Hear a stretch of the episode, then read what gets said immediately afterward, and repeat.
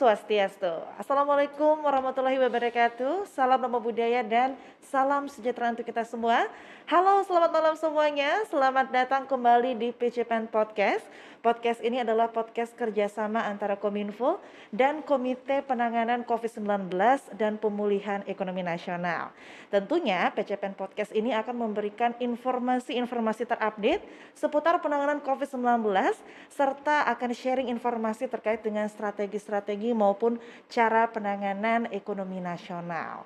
Hari ini senang sekali saya Dewi Nitya masih hadir di hadapan teman-teman semua, Semeton Bali khususnya, karena hari ini adalah hari kedua kita live dari Tribun Bali. Setelah sebelumnya di Indonesia bagian tengah kita juga telah hadir di Makassar, Manado dan juga Kupang.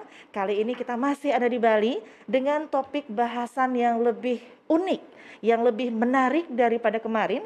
Setelah kemarin kita sudah membahas terkait dengan pariwisata, hari ini kita memiliki tema terkait dengan daya ungkit para UKM di Bali menuju Bali Bangkit tentunya. Dan eh, saat ini saya sudah ditemani oleh dua orang tamu narasumber kita. Karena kalau kita berbincang tentang pariwisata kemarin, sekarang kita berbincang tentang UMKM, tentang perekonomian sangat relate. Apalagi di Bali khususnya itu pariwisata adalah sektor yang uh, menyumbang atau mendukung perekonomian yang ada di Bali. Saya akan perkenalkan hari ini di studio Tribun Bali, Nitya sudah ditemani oleh Bapak Ana Agung Murah Agung Satria Diana Beliau adalah Kepala Bidang Pemberdayaan UKM, Dinas Koperasi, Usaha Kecil dan Menengah Provinsi Bali. Om Swastiastu Pak Agung Satria. Kabar baik? Terima baik. Navigatra. Astungkara Beci. Terima kasih sudah meluangkan waktunya nih Pak Agung untuk bergabung bersama kami hari ini. Dan Pak Agung juga tidak sendiri karena di sebelah Pak Agung sudah ada yang cantik ada Ibu Nikade Citrawati, founder dari Bali Alus, salah satu UKM di Bali. Swastiastu, ya, Bu Kade. Swastiastu. Kabar ya, baik, ya, sehat. Terima ya, kasih karena sudah meluangkan waktunya. Hari ini kita ngobrol santai. Ya. Karena kalau tegang nanti informasinya nggak nyampe teman-teman yang ada di rumah. Apalagi kita akan sharing terkait dengan perekonomian gitu ya. Karena kemarin kita sudah bahas tentang uh, pariwisata Bali. Hari ini perekonomian karena hari ini adalah hari yang penting. Saya rasa semuanya masyarakat Indonesia, khususnya Semeton Bali sudah mulai ada geliat untuk bangkit kembali. Bali bangkit begitu ya, apalagi tagline sekarang. Dan salah satunya adalah pemberdayaan UMKM. Seperti apa strateginya? Gimana kira-kira caranya? Apa yang tengah dilakukan pemerintah saat ini untuk mendukung UMKM yang ada di Bali? Kita langsung aja ngobrol santai dengan kedua narasumber kita. Yang pertama ke Pak Agung dulu nih. Yeah. Sekarang bukan ladies first dulu ya, gentleman first dulu nih. Oke, okay.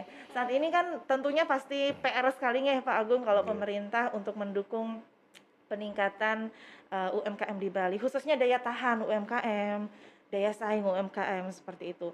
Kalau boleh tahu nih Pak Agung, apalagi kita sudah di penghujung tahun 2021, sekarang sebentar lagi 22 apa yang tengah dilakukan oleh pemerintah Pak Agung untuk mendukung peningkatan daya tahan UMKM Bali saat ini? Nah dulu Pak Agung, seperti apa?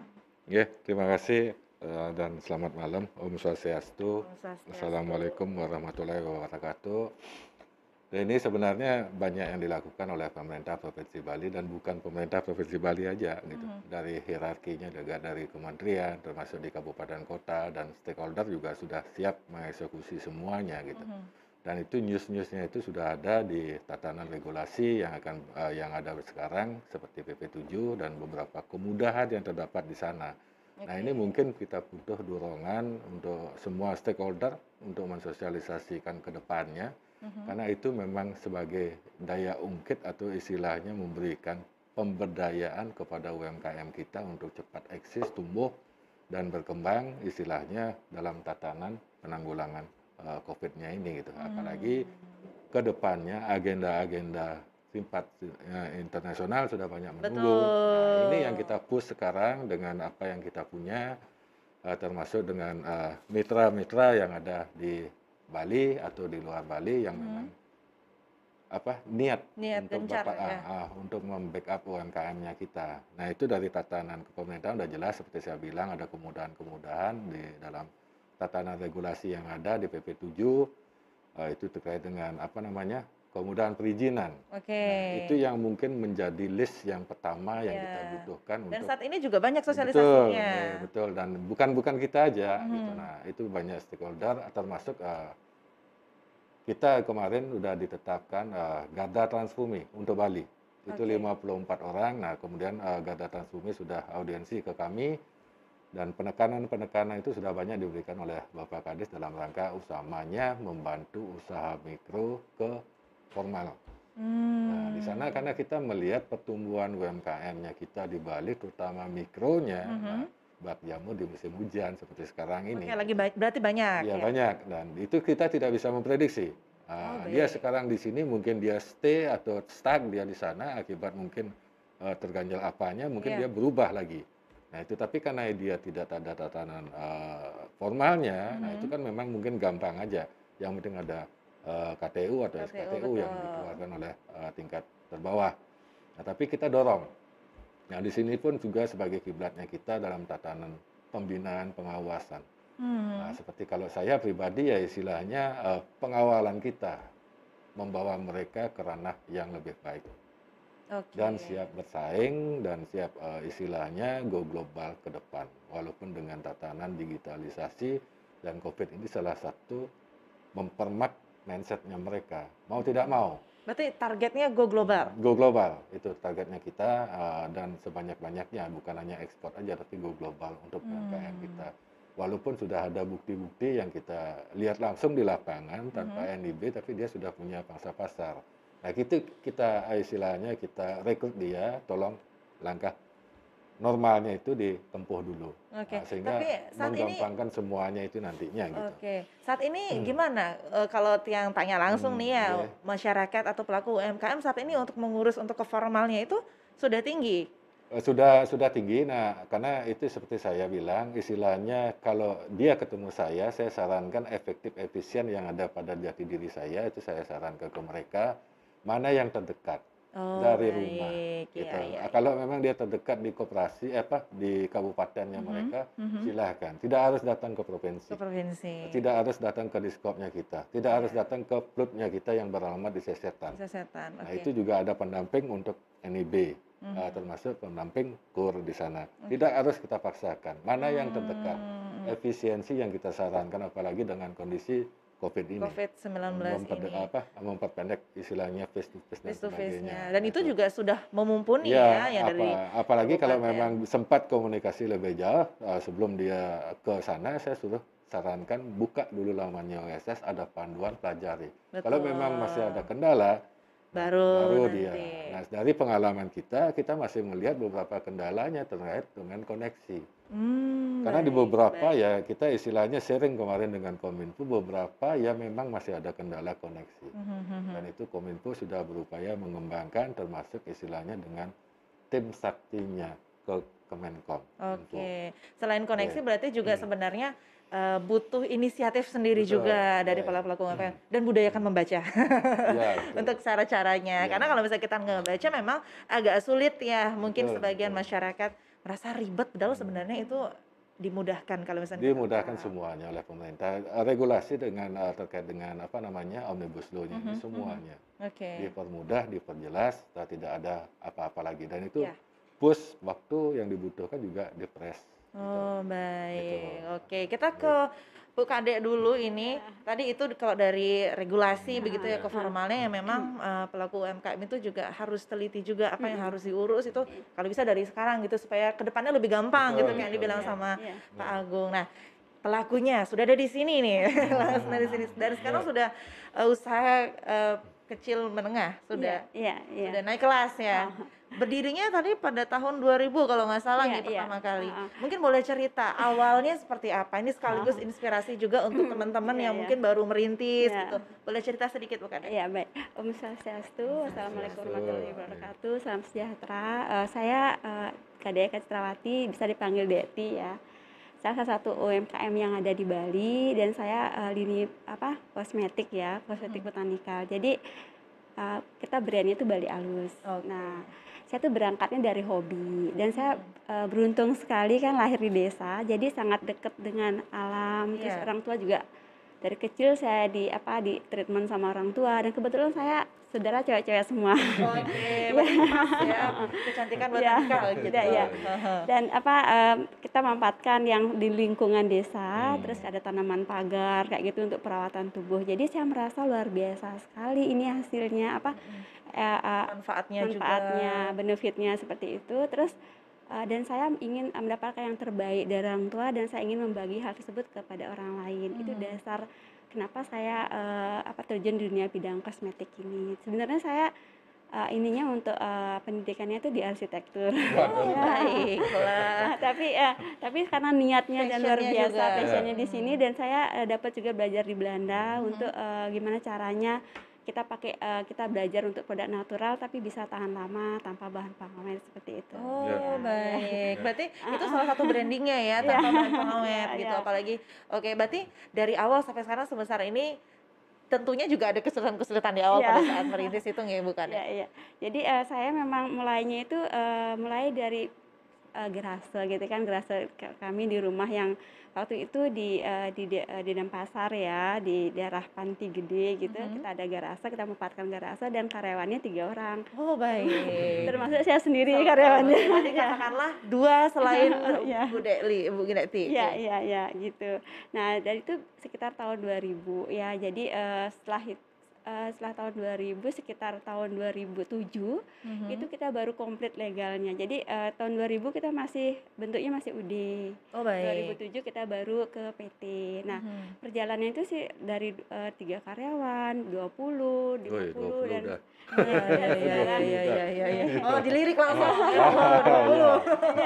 dan sekarang hampir Iya. 100 gitu. Oh, ya, baik. ya, ya. Iya. Nah, jadi eh, luar biasa sih gini Ini ya. lonjakan naik kelasnya double. Iya, lonjakan. sampai 200-an. Sampai ini. 200-an. Iya, Salah Luar satu biasa. indikator naik kelasnya kan itu. Iya, iya, iya, iya. Tapi kalau untuk perizinan dan sebagainya berarti sudah komplit ya? Nanti Iya. ditegur Pak Agung. Ah, tapi zaman dulu ya, dulu sebelum kita apa pas, pas kita mau apply untuk izinnya aja Mhm. kita kita kan termasuk termasuk eh, gini kan sebagai eh, pionir ya Iya. Hmm, hmm. Uh, karena waktu itu kan sedikit sekali yang bergerak di bidang kosmetik ini uh, langka kan dan waktu itu juga dari pemerintah sendiri belum siap dalam artian mereka ini ini kosmetik atau herbal atau Iya. obat gitu. jadi kita iya, iya, masih iya. masih statusnya belum uh, masih dulu kayak gitu pu seperti itu dan waktu itu juga kita bingungnya di sini ya untuk kita kan mau izin edar seperti itu jadi di Heeh. izin edar itu uh, kita ada bahan-bahan bakunya dari bahan-bahan yang apa rempah-rempah dan lain sebagainya itu nggak ada di ininya di list di list uh, BPOM-nya ya Oh, jadi tabelnya itu kalau ada tebel kan semuanya kan Hmm. itu di- mengacu ke standarisasi Asia waktu itu tapi dibina tetap kita tetap dibina Dibina. oleh uh, pemerintah uh, Mhm. terus dari itu kita juga lama-lama akhirnya kita bisa masuk ke kosmetik jadi tematik seperti itu Oh, Iya, iya. semuanya tuh butuh proses ternyata Iya, ya iya. dari 2000 ke sekarang 2021 udah 21 tahun ya. Udah kuliah kalau anaknya. lumayan Dan- ya Dan lumayan itu dibantu juga oleh pemerintah Iya, untuk iya. mengurus itu semua. Iya, Luar iya. biasa. dan sekarang kita sudah komplit legalnya mulai dari uh, izin edar, izin Mhm. produksi yang dasarnya seperti itu, dan kita juga ada sudah uh, apa CPKB, Mhm. ISO, halal, dan uh, kita juga sudah uh, uh, apa namanya GMP untuk standarisasi Asia. Oke. Kayaknya kurang. Kayaknya kurang. Ya, Hak ciptanya nggak diurus. Oh, Hak ah. ciptanya sudah. Oh, sudah. Ini kan sudah. produknya dia banyak. Oke. Nah, yang mana karena ini dia istilahnya memanfaatkan faktor demografinya Hmm, Bali.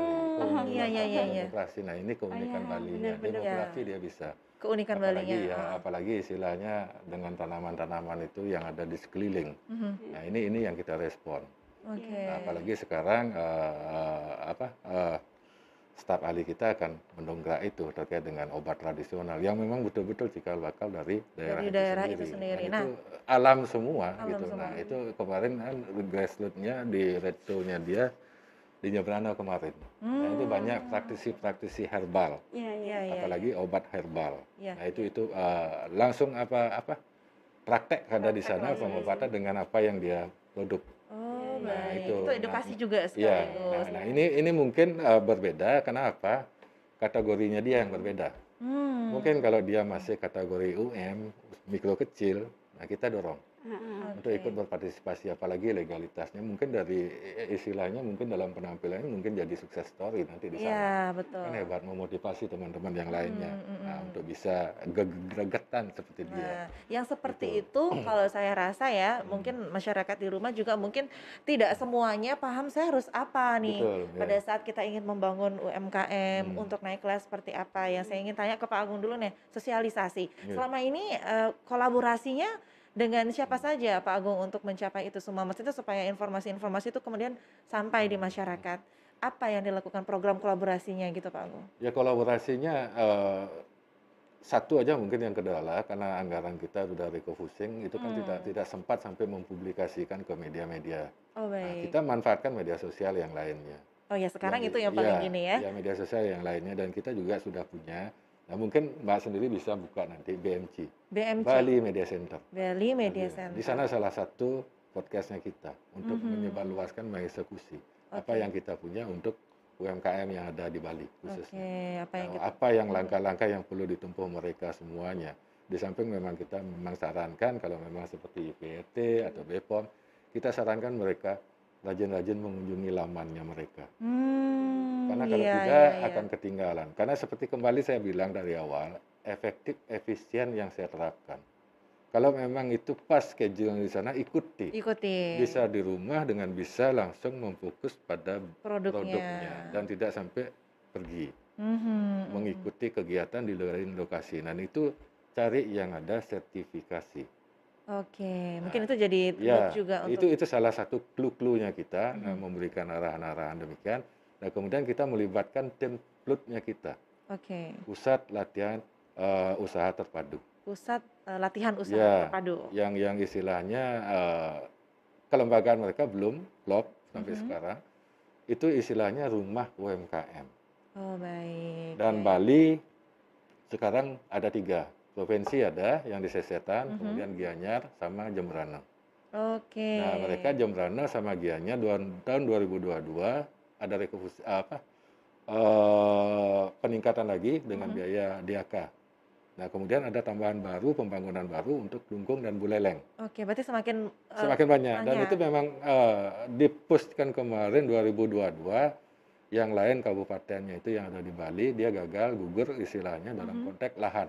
Oh, penyiapan baik. lahan ya, ya, ya. yang distandarkan itu. Dan itu semua nanti uh, sudah ada ilustrasi dan itu perancangnya pun perancang memang orang Indonesia tapi sudah berkiblat di internasional, hmm, minimalis dan sebagainya. Okay. Dan itu open semuanya, 24 jam. Oh, baik. Terserah mau dipakai apa itu kurasi, uh, inkubasi oleh teman-teman hmm. UMKM kita dengan pendamping-pendamping yang ada. Ya, Kalau memang ada. tidak ada, kita akan mengundang baik. Ya. Sebenarnya sudah difasilitasi sekarang ya. Betul. Nah, cuma, cuma mungkin mungkin ya bukan informasi, mungkin letak gedung kita. Oh, baik. Karena ya. ada pohon besar dan sebagainya. Padahal itu kan dari airport ke Denpasar melalui. Oke, pohon besar. Ah, ya, karena di kiri kanannya.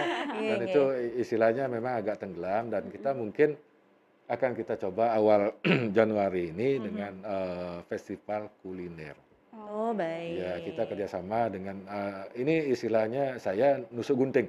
Mm-hmm. Gimana itu, Satu untuk eksekusi pemberdayaan UMKM-nya kita, yang kedua lebih mengenalkan keberadaan perutnya kami. Oh, baik. Yang bisa dipakai istilahnya dipergunakan oleh UMKM, UMKM semaksimal mungkin. Ya, ya. Dan di sana ada tujuh kelembagaan yang siap membackup, mendampingi maupun menginkubasi. Oke. Okay. Dan itu free, tidak ada beban apa-apa. Dan itu pesta kuliner mungkin kita uh, eksekusi dengan Shopee. Oh baik, ya. jadi oh itu bagus sebenarnya ya. ya. Uh, yang nonton hari ini pasti oh baik ya. ya, ya. Nah itu itu, itu ya. awal tadinya kan kita targetnya uh, Desember ini. Nah saya pribadi malum menekankan diri pada uh, staff. ya. Okay. Tolong tahan dulu, kita juga malum kondisinya mereka, Betul. termasuk stakeholder lain, mereka hmm. juga butuh promosi peningkatan, peningkatan itu. eksekusinya Eksekusi dia ya, dengan dengan apa uh, istilahnya pelangganan sebagainya. Hmm. Oke, okay, kita jedakan dulu. Nah, kalau memang disetujui kemarin, uh, kita juga akan membuka uh, surat kita sudah uh, masuk uh, koordinasi dengan Grab sama uh mhm. -huh. Bank BPD Bali. Uh mhm. -huh. Kita akan buka pasar rakyat.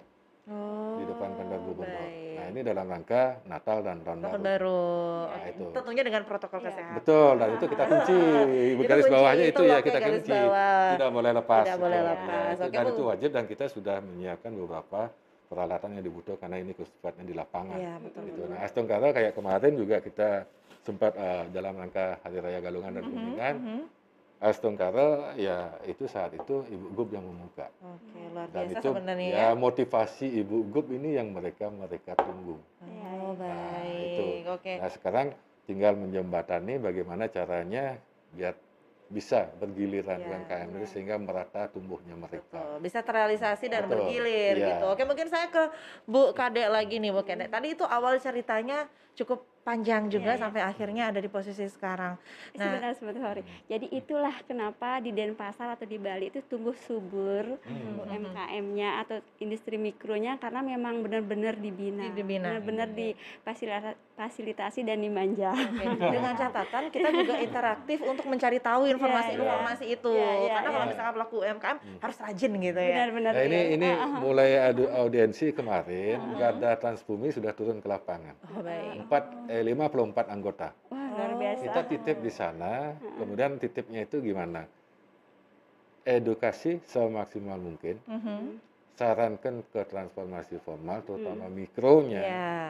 Apa yang kita punya kita akan share melalui Garda dan tolong share ke mereka UMKM semuanya. Luar biasa. Tidak ada tertutup itu. Kalau memang melalui webinar ya kita share melalui webinarnya. Apa itu informasi yang mereka butuhkan sesuai dengan bidang usahanya Bidang dia. usaha masing-masing. Nah, kemudian terkait dengan istilahnya legalitas dan Mhm. sebagainya, ya kita tetap dorong di sana Oke. dan kita backup semuanya itu. Apalagi di pandemi Ya. ini juga sebenarnya kemudahan juga sudah diberikan Iya, gitu iya, ya Betul. untuk Iya. legalitas dan Iya. semacamnya. Kita ke Bu Kadek tadi dikatakan juga kalau misalkan pada saat pandemi ini saya lihat masih tetap survive gitu ya. Iya, iya. Usaha ini Ya, Astungkare. Astungkare ya. Astungkare masih tetap survive. Sebenarnya apa yang membuat usaha itu usahanya Bu Kadek ini tetap survive gitu pada saat pandemi ini? Atau gini deh, awal-awal pandemi Oh, gimana gitu. situasinya? Iya, iya. Masih tetapkah Heeh, eh, drama-dramanya jumlahnya gitu ya. ratusan itu atau ada pemutihan atau gimana? Saya Iya, penasaran iya, soal baik, ini. baik.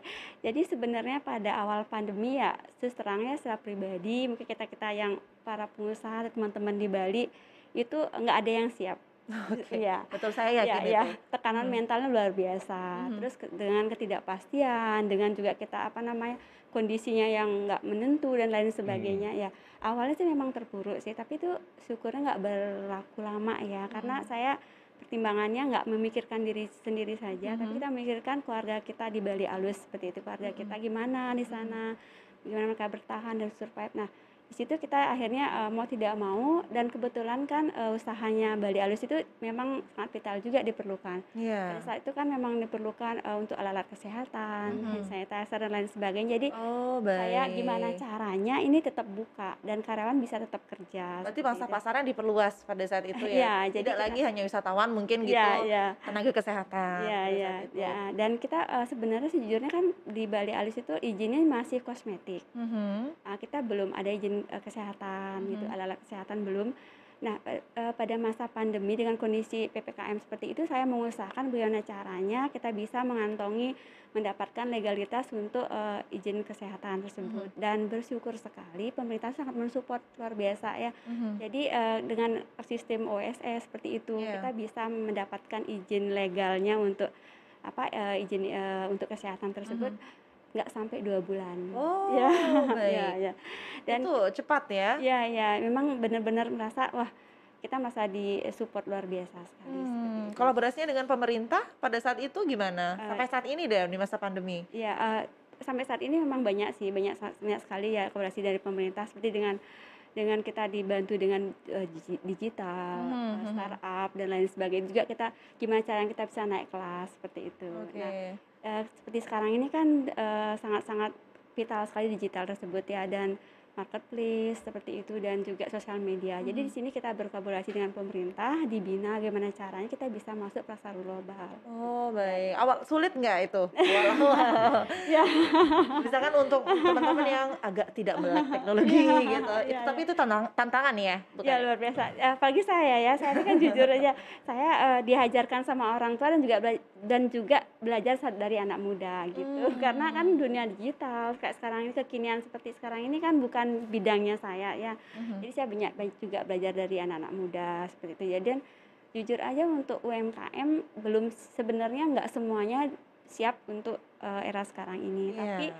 mau tidak mau dengan kondisi sekarang kita harus bisa naik kelas, kita harus Mhm. bisa startup, bisa uh, meningkatkan uh, ini ya kan, meningkatkan mengupgrade diri seperti Iya, itu iya, ya. iya, ya. benar-benar. Jadi selain mengurus untuk formalnya tadi ini Iya, seperti dibilang iya, sama Pak Agung, heeh. berarti juga mau nggak mau harus update digitalisasi kurang lebih Iya, begitu iya, ya, iya, iya. Pak Agung. Nah kita ke Pak Agung nih. Mm-mm. Tadi sudah disetujui dengan Bu Kade kalau pemerintah selama ini sangat mendukung, sangat membantu gitu ya Iya. kolaborasinya pada Mm. saat peningkatan itu. Eh, tadi juga sudah dikatakan kalau bantuan untuk masyarakat tadi ada yang berupa fasilitas lah bisa saya katakan ya. Tapi kalau untuk bantuan-bantuan eh, lain seperti bantuan tunai atau bantuan langsung itu masih tetap dilaksanakan hingga saat ini. Ya, dari 2020 itu ada PBSU dari pemerintah daerah Provinsi Bali. Mhm. Nah, mungkin dalam eh, pastinya saya kurang tahu, ya, karena saya baru, belum belum belum di sana. Nah, itu di seiring sejalan jadinya Hmm, dengan apa hmm. yang digelontorkan setelah itu oleh Kemenkop UKM-nya Oke. kita. Nah, berupa eh, BPUM-nya ini. Hmm, Nah, iya. memang memang memang dari dari dari jumlah memang berbeda, apalagi dari sumber anggaran juga berbeda kan gitu. Mhm. Nah, beliau secara nasional melalui APBN, Mhm, Kemenkopnya, sedangkan di kita PBSU-nya itu dari APBD murni. mhm. Nah, itu sekarang udah menjadi eh, gayung bersambut. Nah, sampai dengan akhir sekarang 2021. Nah, memang kita kemarin diberikan surat oleh kementerian untuk mengeksekusi kabupaten kota yang belum mencairkan dibuka masih sampai 31 Desember. Oh, baik. 2021. 2021. Ya, sekarang aparat Diskop Kabupaten Kota didorong untuk memberikan informasi kepada calon nasabah yang belum mengklirkan itu. Padahal Hmm. mereka sudah di cleansing dan sudah clear. Oke. Tinggal mengambil aja. Kalau saya lihat kan Iya. kalau dari pemerintah sebenarnya sudah siap. Tapi hambatan dari para pelakunya gimana Pak Agung mungkin? Ya mungkin eh, saya kurang tahu, mungkin apa terkait dengan COVID dan sebagainya, atau mungkin informasi yang tidak jelas dia terima bahwa itu masih bertele-tele dan sebagainya. Nah, Iya, itu itu iya. yang kurang kita Termasuk tahu. saya juga dulu Ya berpikir betul. begitu. Nah, itu. Padahal menurut eh, gitu kita bisa cek melalui e-formnya BRI, gampang kalau memang sudah, Mhm. eh, tinggal bisa ditransfer dan sebagainya kan gitu. Mhm, Nah, mhm. sekarang itu kategorinya masih banyak yang belum mengambil Hmm, dan mhm. juga beberapa masih ada kendala. Iya. Nah, untuk ke depan kami belum tahu Oke. apakah masih dieksekusi seperti itu melalui diskopnya atau mungkin nah dari hasil sum kemarin sih dan itu sempat sudah berjalan Mhm. eh, akhir-akhir dari September kalau tidak salah sampai dengan Desember ini itu ada eh, khusus penanganan eh, yang melakukan eksekusi langsung door to door-nya TNI dan Polri. Oh, Oke. Nah, ini ini ini kita tidak tahu 2022. 2022, Tapi dari hasil sum kemarin ya memang demikian. Hmm, Nah, oke. itu yang karena itu istilahnya biar langsung menyasar, Mhm, mhm. eh, terutama yang dikategorikan PKL. PKL. Nah, dan istilahnya kalau Jawa mungkin gudeg dan sebagainya itu. Nah, itu dia. Itu. Oke, iya, Nah, iya. mudah-mudahan ada semua di samping itu kan kita juga terus menggelontorkan Mhm. kurnya itu. Nah, kalau kur itu sudah ada kejelasan dan bahkan peningkatan persentasenya untuk nasional. Iya, sampai sampai 2024. 2024. Nah, oh, itu. baik. Nah, itu itu udah jelas itu. Udah Nah, jelas. sekarang tergantung APBN kita bagaimana. Mhm. Astungkaro semoga Covid segera berlalu, eksekusi semuanya bangkit, nah bisa berdiri sendiri, Indonesia maju, nah, itu jelas jadinya kelihatan APBN kita Betul, iya, iya, meningkat iya, iya, gitu. Dan oke. itu bisa diakomodir ke UMKM Kalau kita UMKM, kan, itu UMKM itu yang ya. memang membutuhkan saat ini mengalami kolab dan sebagainya. Mhm. Nah, ini yang mendongkrak. Mudah-mudahan tidak seperti itu lagi collab Iya. ya. Iya, iya. Kalau misalkan dari Ibu eh, Kade sendiri kemarin pada saat saya flashback ke Iya, pada iya. saat Ibu eh, urus-urus perizinan dan Iya, sebagainya heeh. eh, di dinas dan sebagainya itu itu hambatannya kira-kira yang paling kerasa itu apa? Mungkin dokumen kah atau Ah. seperti apa? Dan pada saat itu dibantu nggak dengan eh, pihak pemerintah pada saat itu? Iya iya sih. Eh, jujur ya eh, apa maaf berangkat dari pengalaman sendiri Mhm, gitu mhm. kan. Di usaha kosmetik ini memang paling paling kompleks sekali. Ya. Iya, iya, Ah, iya. iya. Kategori-kategorinya. Iya, iya, iya. Apalagi banyak. sekarang masuk ber- berbasis risiko. Oh Iya, iya, iya, OSS-nya. benar. Itu. Iya, iya, iya. Iya, jadi Itu banyak juga. ya. Heeh, banyak oke, ada iya. sertifikasi standar Iya, dan izin iya. yang dia Heeh, butuhkan. Standar-standarnya sangat Nah, tinggi itu. sekali. Apalagi dengan isu Ah, Iya. ekspornya itu Oh, iya. ada spesifikasi Ya. khusus. Khusus. Ah. Tahu Iya. ya ya. Iya, iya. Iya. Gimana Bu Kade? sangat tinggi sekali dan Hmm. ketat seperti itu dan kita eh, saya sebagai pelaku UMKM ikutin semuanya kita ikutin kita kita dibina diikutin semua apa standar apa peraturannya kita ikutin dan bersyukur ya karena kebandelannya itu terus mengikuti berusaha untuk memenuhi walaupun banyak apa namanya kendala ya misalnya kita kan kecil tempat produksi dan lain sebagainya Iya. tapi kita ikutin dengan steril Mhm, gimana cara produksi yang benar kita ikutin akhirnya bersyukur kita dapat izinnya gitu Hmm. dan dan luar biasa sekali itu tahun 2019 ya 2019. Uh, uh. Bali Halus mendapatkan ini malah justru mendapatkan appreciate dari BPOM-nya karena kita sebagai Oh, ya, luar biasa. Ya dulu yang uh, dulu kitanya agak takut kan ke BPO, Hmm. BPOM tapi akhirnya mendapatkan penghargaan dari situ. Takut ke BPOM mungkin, mungkin teman-teman pelaku UMKM mungkin ada yang merasakan hal demikian Iya, ya. jangan takut, Lulus ikutin aja standar itu ya. semua ya. Dan juga selain itu juga dampaknya hasil produk yang kita uh, hasilkan itu luar biasa bagus, jadi lebih tahan lama karena kita mengikuti Standarnya manajemennya di kita ikutin, standar produksi yang benar kita ikutin, jadi produk yang dihasilkan lebih bagus. oh baik Ya dan berkualitas Ya, itu ya. untuk Jadi, kita bersaing Untuk juga. kita bersaing. Iya, iya. Kalau misalkan benar ya, kalau misalnya sudah diikuti prosedurnya, sebenarnya Iya. itu juga balik lagi ke Buat kita, iya, iya. benefit lagi ke kita. Iya, iya, Ini iya. pelajaran Tidak juga. ada hal yang dipersulit lagi sekarang. Itu betul. BPOM eh, halal itu mitra kita. Iya, Tidak iya. Ada istilahnya demikian, apalagi kita eh, terkait dengan apa eh, izin kesehatan Mhm. IPET. Nah kita sudah mengumpulkan semua kabupaten kota, Mhm, mempertegas tidak ada istilahnya blank di sini, blank di sana. Oke. Iya, Itu iya, satu iya, iya. komitmen. Satu komentar. Oke. Memberdayakan Mhm. secara maksimal UMKM kita dengan mempermudah dan kemudahan, Kemudahan yang juga. diberlakukan itu gitu. Oke, oke Pak Itu Agung yang saya juga penasaran nih. Tadi sudah dijelaskan kalau ya mungkin awal-awalnya bingung ya apalagi eh, apa namanya OSS-nya yang baru dengan Iya. sistem yang Iya, baru iya. Dan itu semuanya digital gitu Iya. ya. Jadi kita bisa kita katakan semua ini adaptasi digital untuk para. UMKM gitu. Iya. Kalau untuk Pak Agung sendiri saya mau tanya, ada nggak sih program khusus gitu yang memang khusus untuk agar para pelaku UMKM melek digital gitu sama ini? Ada program khususnya gitu nggak Pak Agung? Eh, sekarang kan sudah DAK kita sudah selesai. Mm-mm. Nah, di sana sudah tersisip kegiatan DAK kita memberdayakan bukan UMKM aja, kooperasi UMKM Oh baik. dalam konteks digitalisasi. Iya. Karena kita selaras dengan kementerian, Mhm, itu tidak bisa dipungkiri. mhm. Dan itu istilahnya apalagi target onboarding kita sudah dikunci oleh kementerian se-Indonesia. Sasarannya mulai dari mana Pak Gung? Dari, Dari dari dari yang paling kecilnya Dari yang ini, paling ya kecil. dari mikronya ini. Kalau memang Hmm. kooperasi kan malah kolaborasi di sana. Iya. Ada keanggotanya juga ada mikronya, ada UMKM lah di dalamnya ada gitu. Mhm. Apalagi dia mengarah ke istilahnya kooperasi sektor real. Oh iya. Nah, itu banyak-banyak pesertanya atau anggotanya dari UMKM kita. Nah, ini Hmm. kolaborasinya juga kan sudah nyambung di sana. Iya betul. Melek digitalnya Mhm. gitu. Nah, sekarang bagaimana melek digital itu terfokus Mhm, mhm, kepada brand atau produk yang mereka eksekusi mhm. biar bisa mencapai pangsa pasar lebih luas. Iya iya iya. Nah, iya. itu dengan siapa? Nah, kemarin kan saya sudah bilang tadi salah satunya ada Grab, Mhm, mitranya kita itu sudah mendongkrak banyak. mhm, Banyak ke keanggotaannya mereka UMKM masuk di Grab-nya itu. Shopee juga, eh, Tokopedia juga. Nah, itu dan eh, sekarang juga eh, kita tinggal tunggu waktu.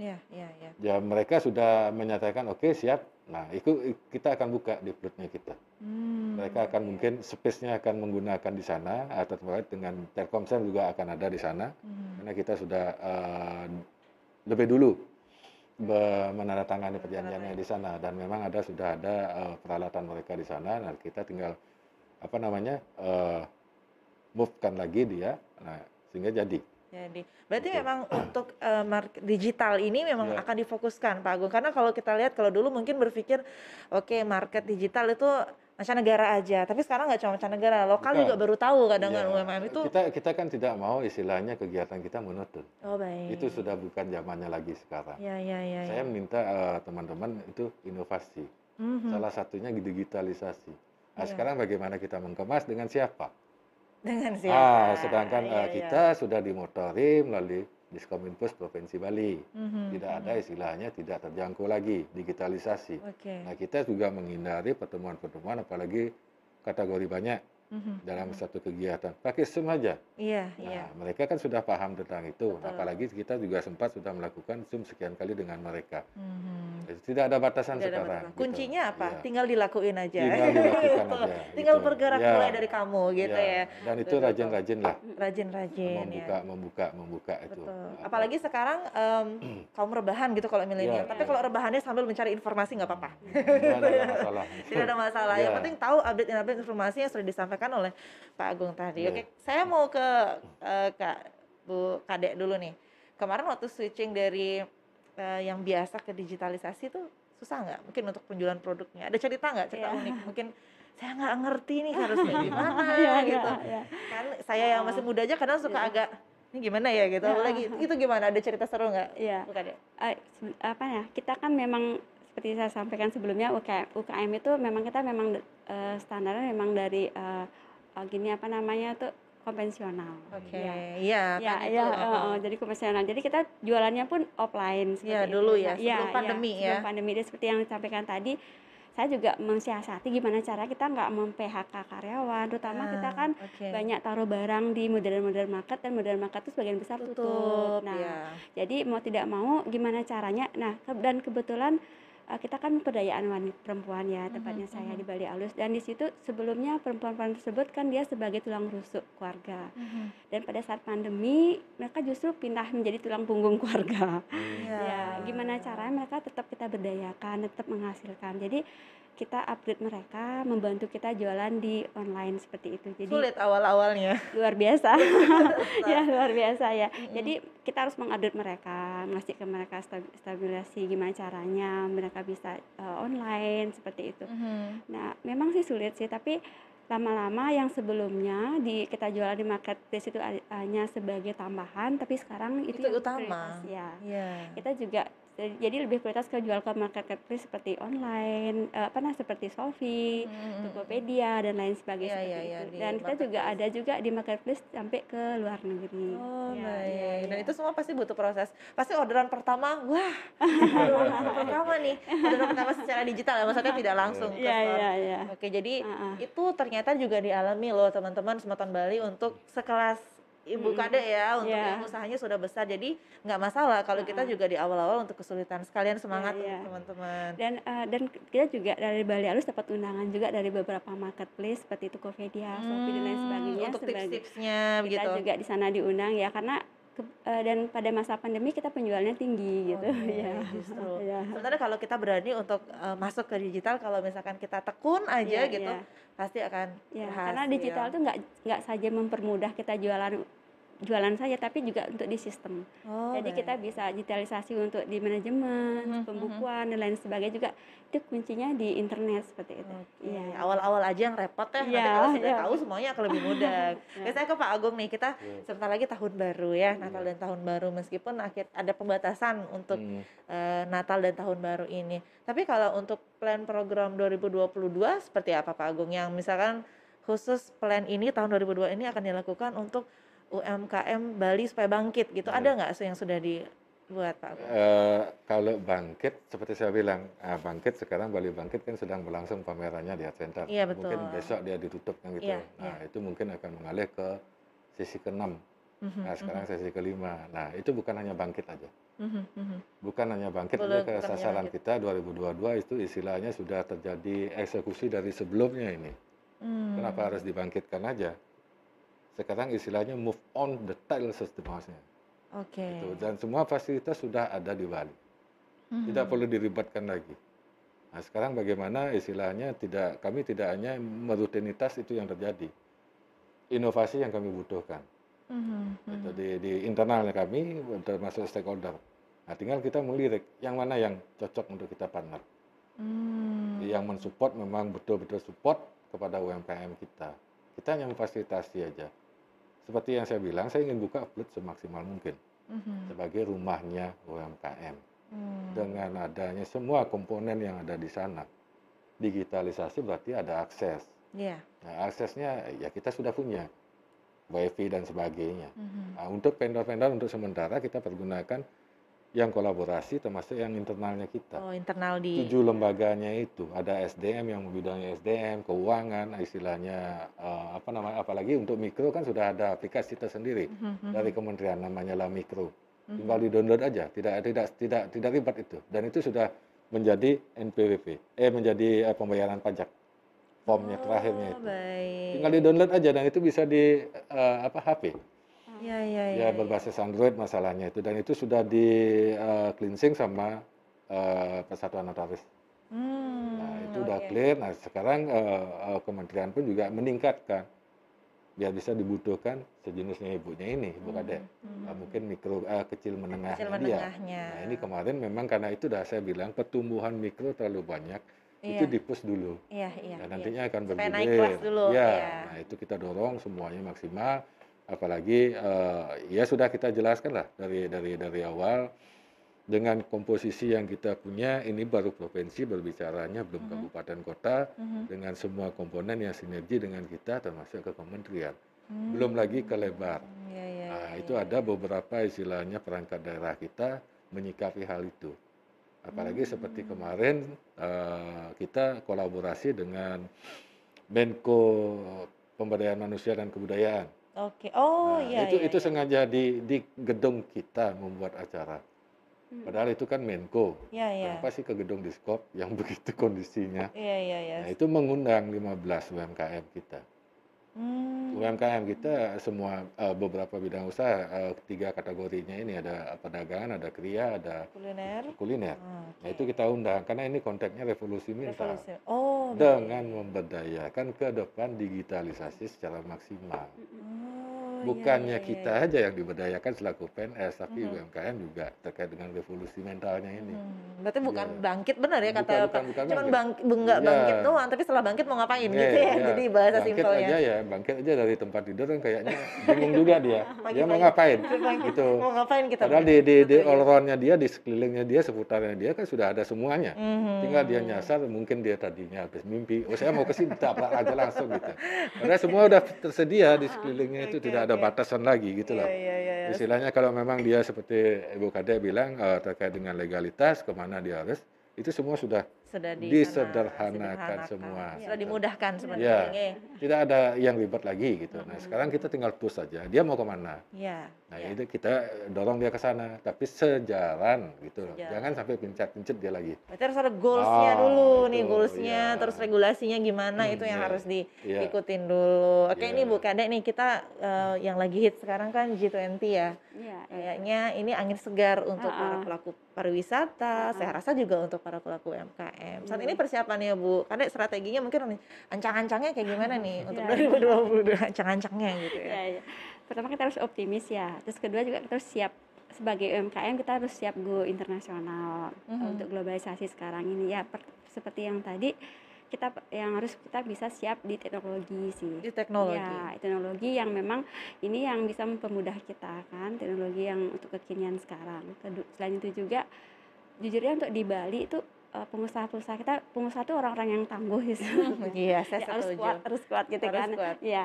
Jadi dan di sini juga kita di Bali kan brand besar kreatif ya. Harus Mhm. kreatif lebih menumbuhkan kreativitas kita ke depannya. Gimana kita bisa bersaing, eh, menekankan keunikannya kita, apa Mhm. yang kita di sini tonjolkan, tematiknya kita apa, seperti itu. Ja- Jangan sampai nanti eh, kita kecolongan, kita cuma melirik pasar keluar tapi di dalam banyak eh, Iya. kecolongan Hmm, seperti hmm. itu. Tapi ada strategi untuk mungkin eh, dikreasikan produknya gitu Iya, nggak supaya iya. lebih menarik Iya, gitu. benar-benar punya ciri khas, Hmm. kreativitas. Selain itu juga sekarang kan angin segarnya G20 ini lebih memperdayakan wanita. Ayo kita sama-sama wanita di di Indonesia kita membantu mensupport wanita-wanita yang lain Mhm. dan kita membeli produk wanita-wanita yang ada di Indonesia. Kita Mm-mm. membantu teman kita seperti itu. Selain itu juga kan di sini juga memang G20 ini lebih memprioritaskan eh, sektor industri kecil seperti Iya, itu. iya, iya Nah, dan di sini kesempatan buat kita untuk bisa berkembang lagi gitu. Mhm. Dan kita diwadahi dipista- difasilitasi seperti itu dan harapannya saya mudah-mudahan kita menjadi tuan rumah dan benar-benar UKM di sini menjadi tuan rumah. Yeah. Jadi. Produknya bisa dipamerkan oh. di uh, di sana pada saat uh, konferensi tersebut dan hotel-hotel itu juga memakai produk kita okay. gitu. Itu sih harapannya so, ya. Mudah-mudahan. sebelum yeah, yeah. acara itu dari mm -hmm. Kementerian Luar Negeri kebetulan kita ikut mm -hmm. itu sudah secara tidak langsung mempromosikan UMKM se-Indonesia bersaing dengan UMKM negara-negara lain. Luar biasa kita doakan yeah. semoga nanti benar-benar terwujud ya, ya. dan itu itu mungkin istilahnya ada keterbatasan dengan UMKM karena sebelum di launching itu uh -huh. UMKM-nya kita melalui Google Form yang dikembangkan oleh Kemenlu itu dikurasi okay, oleh kurator uh, independen. Okay. Nah itu karena dari sikap itulah kita bisa berani menampilkan UMKM kita yang berkelas yang siap okay. berpartner dengan UMKM luar negeri maupun uh, negara, negara pendamping. Negara pendamping. Nah, itu. Oke, baiklah. Nah, tinggal sekarang main tembak aja. main tembak aja. nah, main tembaknya gimana hmm. mungkin ya. dari Pak Agung dulu deh. Pesannya deh hmm. Pak Agung untuk para pelaku UMKM saat ini mungkin di akhir sesi mungkin pesannya boleh dibagikan Pak Agung. Oke, terima kasih uh, untuk UMKM. Uh, eh, semoga rahayu dan bisa menginspirasi apa yang kita share tadi. Dan kalau memang ada kurang lebihnya, silahkan komunikasikan lebih detail mungkin di kabupaten juga ada mm -hmm. kita di provinsi siap istilahnya dalam konteks pengawalan mm -hmm. sehingga anda betul di dalam rel dan siap berpacu kemudian siap jadi tuan rumah ke depan ingat 2022 momen-momen penting menunggu UMKM hadir UMKM Bali merdeka Oke, tangguh dan Indonesia pun akan maju. Oke, uh, luar biasa. Ini saya merinding dengarnya benar ya. Jadi persiapkan uh, dari sekarang apa yang harus dilakukan. Kayak untuk Bukades sendiri untuk rekan-rekan UMKM ya. mungkin yang baru merintis ya. dan juga teman-teman sejauh seperti apa Bu? Ya. Buat teman-teman semuanya UMKM teman-teman yang ada di Bali, pertama kita semangat ya. Terus dari itu kedua juga mudah-mudahan kita bisa survive di masa yang susah ini dan harapannya pada masa nanti pada epidemi melewati uh, pandemi yeah. ini kita lebih berjaya lagi itu sih harapannya dan selain itu juga uh, buat saya uh, kita meyakini uh, kita akan berhasil itu adalah 50% udah jalan. Oh ya. baik, Astungkara. Satu yang tidak bisa menjatuhkan akan menguatkan. Betul. Uh, luar biasa. Harus jalan dulu berarti ya. yang penting maju dulu. Ya, gitu. kita bisa bertahan pada saat yang kondisi yang nggak bagus dan pada saat kondisi bagus kita melesat. Harapannya, amin. Tingkatkan ya. jiwa kewirausahaan. Tingkatkan jiwa kewirausahaan luar biasa. Aduh, ya. sayang sekali ini karena sudah waktu ya. Mungkin kalau misalkan kita ngomongin uh, strategi UMKM kayaknya butuh waktunya lebih panjang tapi nggak apa-apa nggak apa-apa yeah. dengan waktu yang singkat ini mudah-mudahan yeah. bisa memberikan insight bisa memberikan motivasi yeah. dan juga sekaligus pencerahan terutama untuk para pelaku UMKM yang baru untuk naik kelas gitu yang sudah disampaikan oleh Pak Agung mudah-mudahan semuanya lancar dan bisa memberikan gunaan juga untuk para pendengar. Karena kalau kita lihat lagi kita sudah hampir dua tahun di pandemi COVID-19 ini sudah bersama-sama kita berjuang dari benar-benar runtuh sampai kita sudah mulai bangkit. Tapi saya yakin dan saya yakin sekali kalau kita semuanya tuh bisa menghadapinya, kita bisa akan bangkit. Caranya gimana sih? Caranya sederhana sebenarnya. Gimana caranya untuk bangkit di tengah pandemi? Gimana caranya meningkatkan perekonomian? Caranya adalah semuanya dimulai dari kamu, dimulai dari kita sendiri. Kita sebarkan informasi-informasi positif ke lingkungan kita, mulai dari lingkungan yang paling kecil deh, lingkungan keluarga. Kemudian lingkungan sesama bisnis atau lingkungan tempat tinggal Anda. Kemudian kita juga harus menerapkan protokol kesehatan penting, itu harga mati sekarang ya. Dan juga kita harus mendukung program vaksinasi yang dilakukan oleh pemerintah. Semuanya akan lebih mudah jika kita mulai dari diri sendiri. Kesehatan oke, okay, ekonomi pasti akan maju. Astung Kare. Terima yeah. kasih banyak Pak Agung. Yeah, sama -sama. Terima kasih banyak Bu Kade atas informasinya. Mudah-mudahan lain kali kita bisa bergabung dan juga bisa sharing-sharing lagi. Dan tentunya Nita ingin mengingatkan juga kepada seluruh masyarakat dan juga Semutan Bali khususnya bahwa besok PCPN Podcast akan hadir dari Medan, tepatnya jam 19.00 waktu Indonesia Barat dengan topik-topik yang lebih inspiratif, yang lebih unik dan sayang untuk dilewatkan. Nitya mewakili segenap kru yang bertugas mengucapkan terima kasih atas perhatian dan juga kebersamaan Anda. Nitya tutup dengan para mesanti. Om Santi Santi Santi Om. Assalamualaikum warahmatullahi wabarakatuh. Salam penuh budaya dan salam sehat untuk kita semua. Sukses